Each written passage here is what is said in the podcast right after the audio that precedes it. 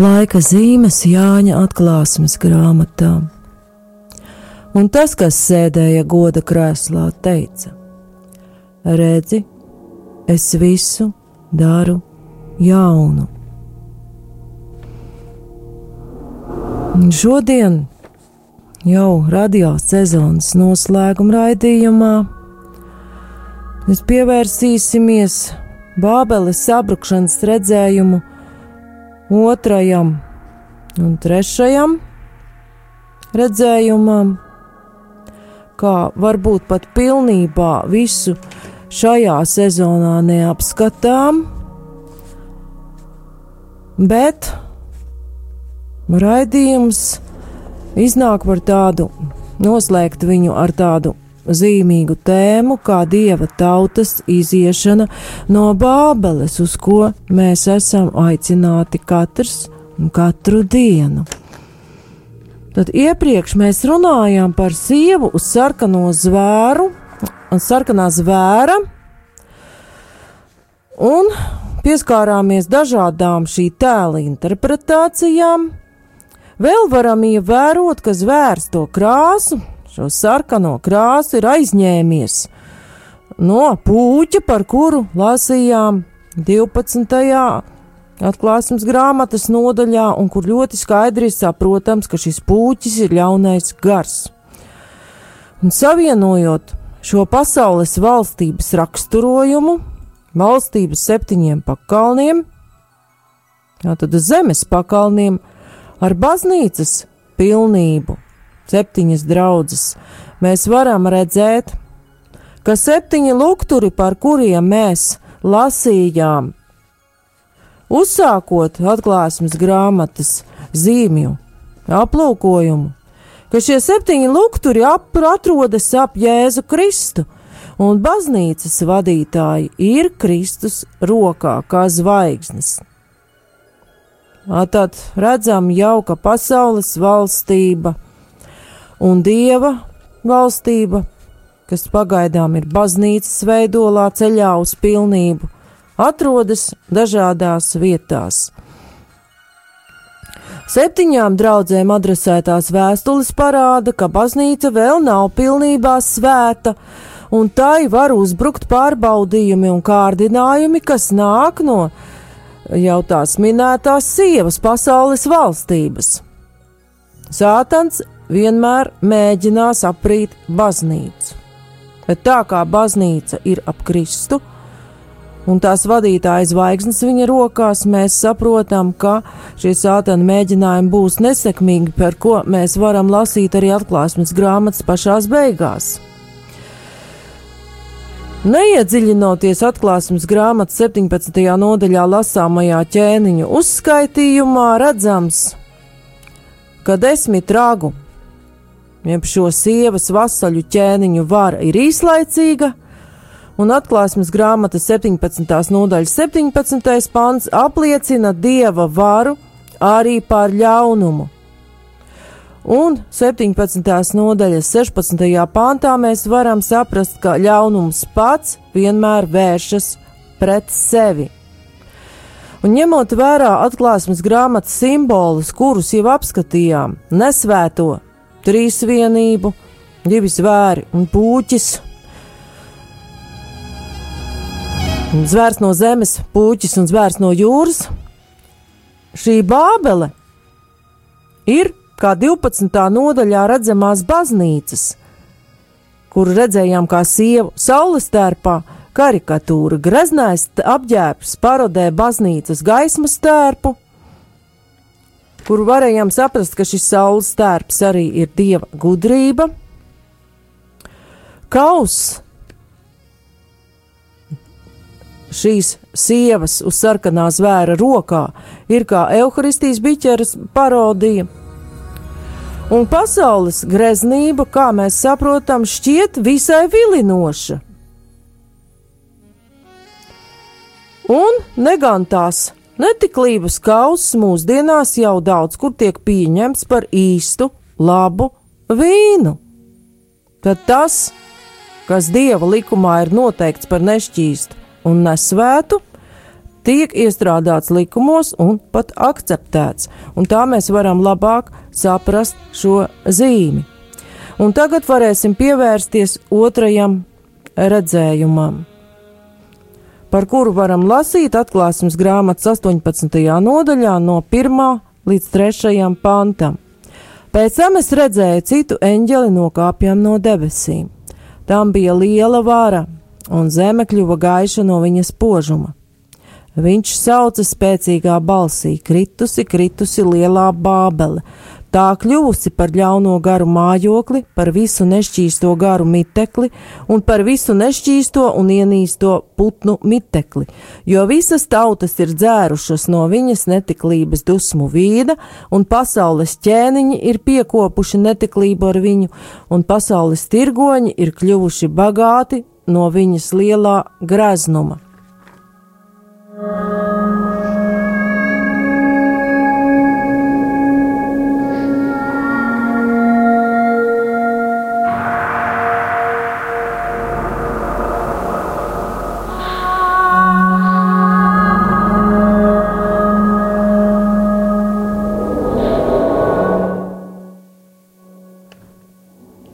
Te runāts par Bābeles krišanu, un to pasludina eņģelis, kurš nokāpa no dieva sfēras, no debesīm. Un ir līdzīgi kā atklāsmes grāmatas 14. nodaļas 8. pantā. Un arī tur minēts šis visu tautu netiklības vīns. Pasludinājums sasaucas ar izsaja grāmatas 13. nodaļas 21. pantu, kur ir pasludināta reālās senajā pasaulē pazīstamās varanās Bābeles iznīkšana. Un redzam šajos īsajos pantos, otrajā redzējumā, ka šī zemes varanā valstība kļūst par tuksnesi, kur mājo viss iznīcībai raksturīgais, ļaunie gari un dažādas nešķīstas radības. Tajā laikā, kad ir rakstīta Jāņa atklāsmes grāmata, tūkstošainas vietas nozīmēja cilvēkiem lielas briesmas, zvērus un laupītājus, un cilvēki, kas bija spiesti caur tādām ceļot, vienmēr ceļoja lielākā pulkā un cik varēja apbruņojās vai ņēma pat apsardzi. Pilsēta savukārt nozīmēja zināmu drošību, un tur austrumos nebija raksturīga mums zināmā viensētnieku kultūra. Tad šeit ir redzama šī panīkusī Bābele, vieta, kur nav dieva. Kur ļauno garu mājoklis, nešķīsto garu miteklis un nešķīsto ienīsto putnu miteklis. Tas ir rezultāts dzīvošanai kā jau sapratām pēc baznīcas tēva teiktā, dzīvošanai pēc miesas gudrības.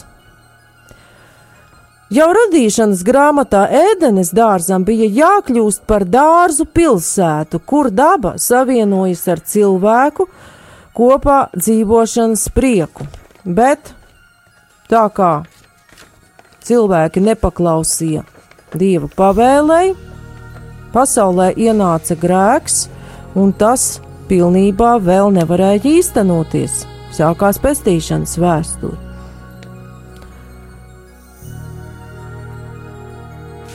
Un gan cilvēka sirdī, gan vidē, kur nav dieva, ieviešas tūkstnesis. Grēks atved līdz pavadošos ļaunos garus un tieksmes, un cilvēka lepnuma būvētais sabrūk. Tur varam atcerēties arī šo Bābeles torņa simbolu vecās derības sākumā. Kāpēc ir minēti visas šīs tautas un ķēniņi un pasaules tirgoņi? Tad trīs tādas kā grupas, Visas tautas dzērušas no Bābeles netiklības dusmu vīna. Visi pasaules ķēniņi piekopuši netiklību ar viņu, un pasaules tirgoņi ir kļuvuši bagāti no viņas lielā graznuma. Kā tādas trīs cilvēku šķiras, kāpēc viņas tur vienā teikumā ir saliktas. Reālā Bābele, kuras tēls ir izmantots, lai parādītu šo pasaules valstību, kas dzīvo pēc miesas prāta, jeb šiem cilvēku pašpasludinātiem likumiem, Reālā Bābele, vēlāk arī Roma, pakļāva apkārtējās tautas un ņēma no tām nodevas. Un saprotot to, ka Bībelē tekstiem ir arī garīgā nozīme, mēs saprotam, ka pasaules pilsēta, šī sekulārā vide, arī prasa nodevas, pakļaušanos tās miesas gudrības noteikumiem Un varam saprast, ka tas attiecas uz jebkuru tautu pasaulē. Te nav nosaukts, kuras tautas svētie raksti nemin, kuras tautas. Var saprast kādas nezināmas tautas, kas ļauj to attiecināt uz jebkuru tautu, kas dzīvo pēc miesas prāta. Vēl Jānis uzsver pasaules ķēniņu. Tā tad varas pārstāvji, kuri labi sadzīvo ar šo bābeli un izpilda tās noteikumus. Un pēc izteikuma ķēniņi piekopuši netiklību, un te ar šo netiklību arī ir jāsasprot šī novēršanās no dieva likuma. Tūlīt tur seko tirgoņa lielā bagātība. Baznīcas tēvi te saskata grēka veidu, salkatību un augstprātību. Arī šobrīd ļoti labi redzam, ka pasaulē veidot vadošais dzīves stils pieprasa arvien vairāk. Īsā laikā jau iepriekšējais ir kļuvis vecs, tas vairs nav modē, un tiek radīti arvien jauni, arvien dārgāki produkti.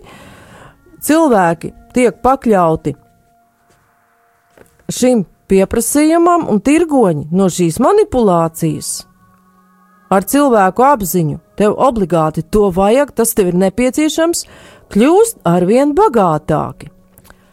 Ērtību kults, arī modes, bizness, kur cilvēki maksā pat tikai par kādu zīmolu, nesaprotot īsti par ko un kāpēc,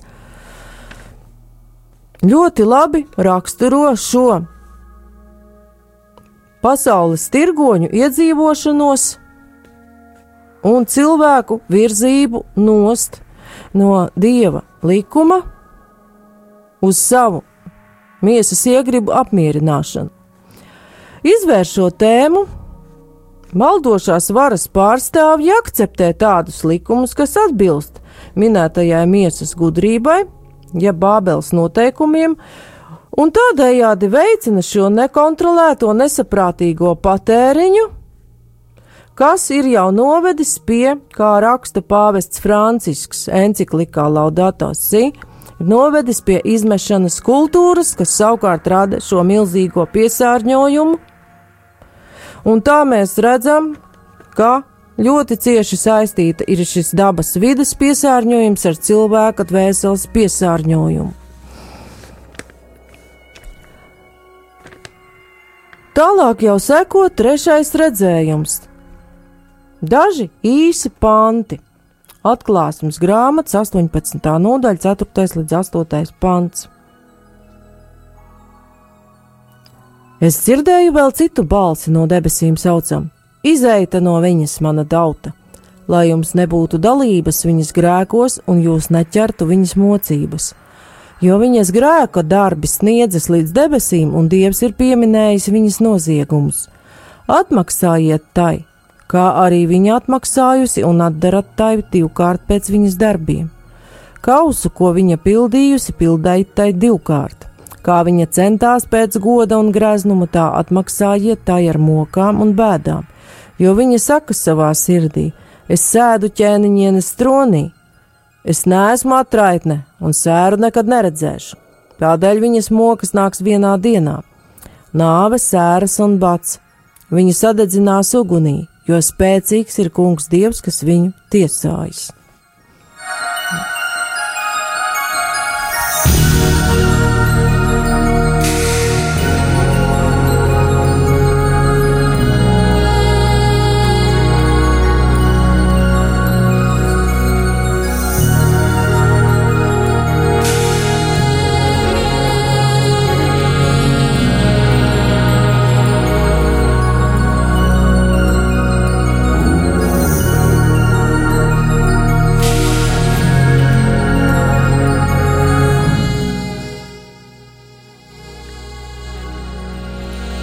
Lasām, ka te jau cita balss, ne eņģelis. Aicina dieva tautu iziet no grēka pilsētas. Izeitat no viņas, tur ir runa par šo grēka pilsētu Bābeli. Nav pateikts, kas ir, kam pieder šī cita balss. Ne, nevaram no teksta saprast, kas runā, bet iespējams, ka tas ir pats kungs. Jo uzruna aicina dieva tautu iziet no grēka pilsētas. Līdzīgi kā vecajā derībā, Isai grāmatā 48. nodaļā, 20. pantā un Jeremijas grāmatā 50. nodaļā, 8. pantā, kungs aicina tautu bēgt no Bābeles. Tā kā vecās derības tradīcijā dieva vārds bija ļoti bijājams, netika nosaukts. Iespējams, ka šeit šī tradīcija ir turpināta, un tik tiešām ar šo citu balsi ir domāts paša dieva aicinājums iziet no grēka pilsētas. Tad varam saprast, un es jau to pateicu, ka faktiski tas ir aicinājums iziet no grēka vides, kas dzīvo pēc miesas prāta un miesas gudrības. Kā to darīt? Uzreiz radīsies jautājums, mēs dzīvojam tur, kur dzīvojam, un tā pasaule apkārt ir tāda, kāda nu viņa ir, vai mums iet tagad mežā dzīvot? Tur varam ieskatīties Jāņa evanģēlijā un pievērsties paša Jēzus vārdiem. Ko tad saka Jēzus par to? Vai tiešām mums iet kaut kur pilnīgi norobežoties no pasaules? Jāņa evanģēlijā 17. nodaļā, 11. pāntā, un arī no 14. līdz 17. pantam.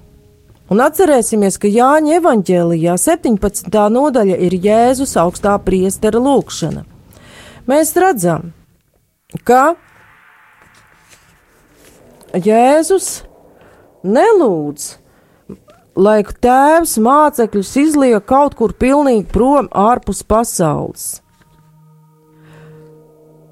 17. nodaļā, 11. pantā Jēzus saka: Es vairs neesmu pasaulē, bet viņi ir pasaulē. Un es eju pie tevis, svētais tēvs, uzturi tos savā vārdā, ko tu man esi devis, lai viņi ir viens, itin kā mēs. Mēs uzreiz redzam, ka mācekļi paliek pasaulē, bet Jēzus lūdz, lai viņi ir pilnīgā vienotībā ar Jēzu pašu. Tātad šīs savstarpējās dziļās attiecības, lai Tēvs tās uztur un sargā un svētī. 17. nodaļā Jāņa evanģēlijā 14. pantā mēs varam jau saprast vairāk par Jēzus mācekļu un pasaules attiecībām. Jēzus saka, tavus vārdus es tiem esmu devis, un pasaule viņus ir ienīdusi, tāpēc, ka viņi nav no pasaules, tāpat kā es neesmu no pasaules. Un tagad pievērsīsim uzmanību 15. pantam, ko Jēzus saka: Es nelūdzu, lai tu viņus paņemtu no pasaules, bet lai tu viņus pasargātu no ļauna.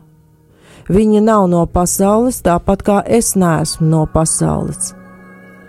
17. pants Svētītos patiesībā, tavi vārdi ir patiesība. Un 18. pāns jau pasaka Jēzus mācekļa uzdevumu un aicinājumu. Tāpat kā tu mani esi sūtījis pasaulē, arī es viņus esmu sūtījis pasaulē. Tā tad Jēzus mācekļa Dieva pilsētas piederīgā aicinājums ir būt pasaulē, bet ne no šīs pasaules, un te redzam, kā Jāņa evaņģēlijas paskaidro šo iziešanu no Bābeles, kā to reāli īstenot. Un pievērsīsimies šim lūgumam, lai tie ir svētīti patiesībā. Tātad palikšanai pasaules vidū un tomēr ne no šīs pasaules ir cieši saikne ar patiesību. Un Jāņa evanģēlijā mēs lasām arī, ka pats Jēzus ir ceļš, patiesība un dzīvība. Tātad, paliekot Jēzu, ir iespējams dzīvot arī šīs pasaules vidū, faktiski izējot no tās ārā. Tad tā ir izceļošana no grēka. Un ļoti radikālā veidā šī izceļošana no pasaules, ko apzīmē šī Bābeles netikla, ir konsekrēto dzīve. Tad pilnīga sevis nodošana dievam, un tie, kas bija klāt māsas Marijas Esteres svētsolījumos Sikšķilas klosterī pagājušā sestdienā, arī dzirdējām, ka arhibīskaps sacīja, ka šāda radikāla izvēle cilvēkiem pasaulē var likties muļķība. Un salīdzinot ar dieva gudrību, tā tik tiešām pasaulē var likties ļoti dīvaina un pat nesaprotama. Bet šis izceļošanas aicinājums no grēka pilsētas neatiecas tikai uz tiem, kas to īsteno ļoti radikālā veidā. Tas ir aicinājums visai dieva tautai, jo mēs visi esam aicināti kļūt par šiem mācekļiem. Un kā to darīt? Nepieņemot tos tās noteikumus un neņemt dalību tās grēkos.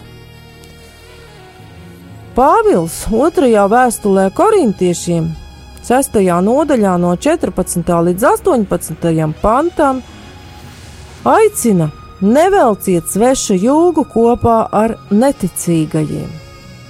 Un 18. pantā Otrajā vēstulē korintiešiem sastajā nodaļā ir lasāma jau senā derības formula. Un pats iziešanas aicinājums atklāsmes grāmatas 18. nodaļas 4. pantā ir ļoti līdzīgs Isai grāmatas 52. nodaļas 11. pantā lasāmajam tekstam.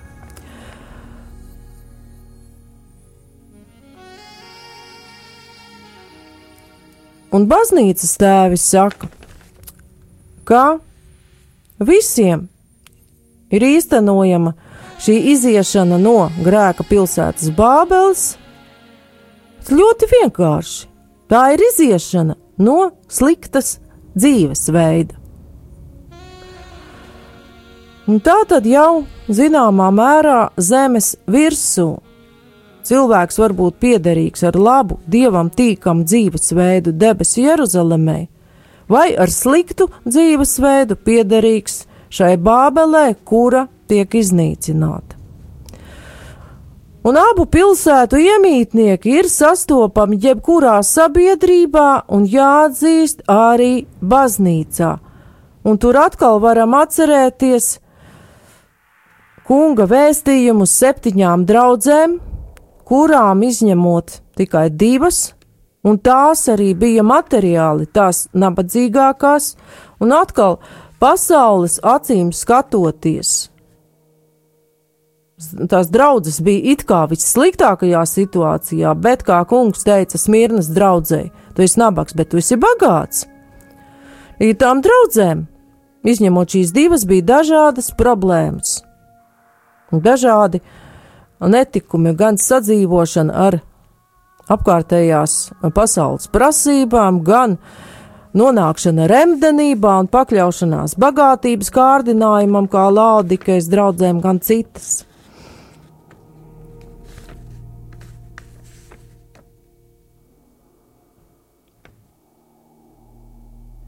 Un savukārt atklāsmes grāmatas 18. nodaļas 5. līdz 8. pants runā par tālāko, kad dieva tauta ir izceļojusi, ir sacīts par atmaksu, jo grēka darbi ir uzkāpuši līdz debesīm. Atklāsmes grāmatas 18.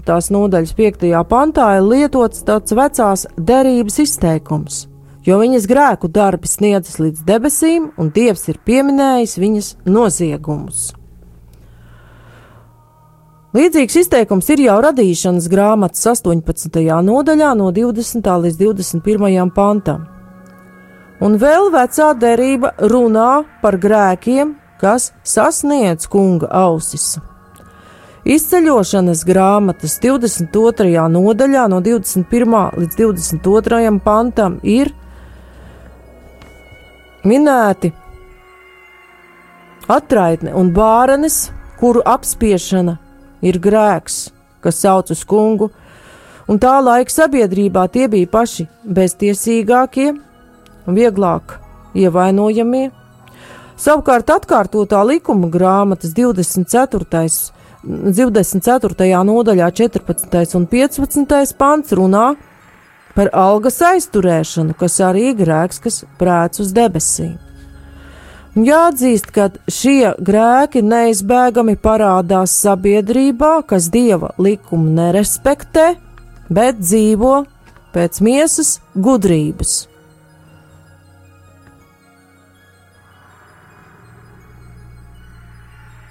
Un tālāk mēs atklāsim grāmatas tekstā.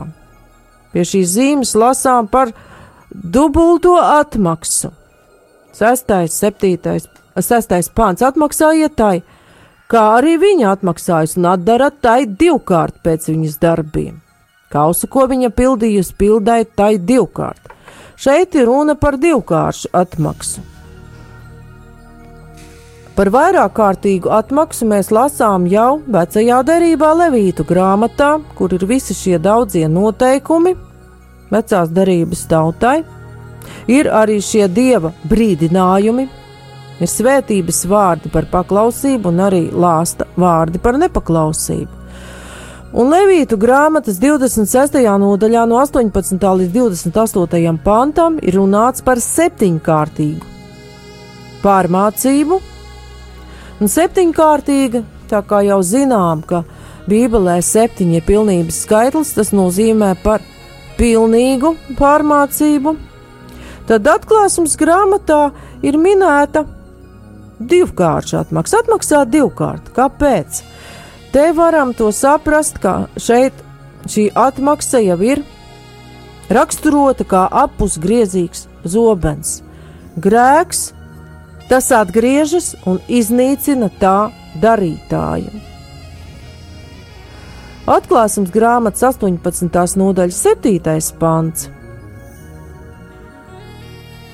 Kā viņa centās pēc goda un greznuma, tā atmaksājiet tai ar mokām un bēdām, jo viņa saka savā sirdī: Es sēdu ķēniņienes tronī, neesmu atraitne un cēru nekad neredzēšu. Šie vārdi sabalsojas ar izsaja grāmatas 47. nodaļu 7, 7. līdz 10. pantu, kur arī ir runāts par lepno bābaļas meitu, kas ļoti paļaujas uz sevi. Un var teikt, ka arī mūsdienu modernā civilizācija un patērētāja sabiedrība ļoti paļaujas uz sevi, uz saviem sasniegumiem, un uzskata, ka ar jaunām tehnoloģijām un zinātnes sasniegumiem būs atrisināts pilnīgi visas problēmas, par kurām jau iepriekš minēju, jau šī izmešanas kultūrai sekojošā piesārņotā vide un citas.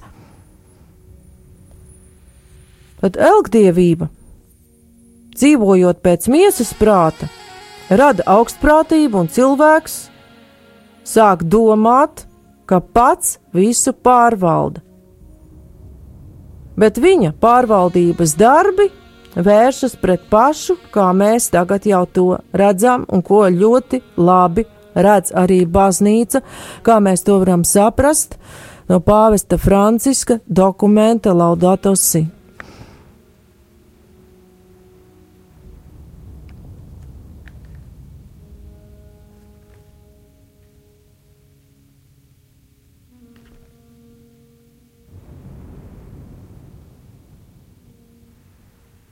Un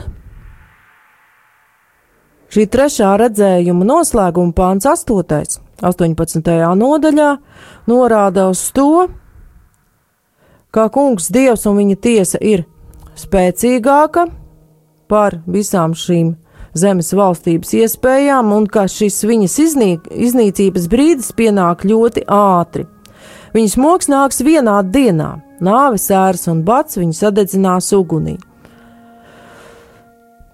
Tātad šeit ir minēta viena diena, tas nozīmē ļoti īsu laiku. Un ar uguni mēs saprotam ne tikai iznīcību, bet arī uguns nozīmē šķīstīšanu un attīrīšanu.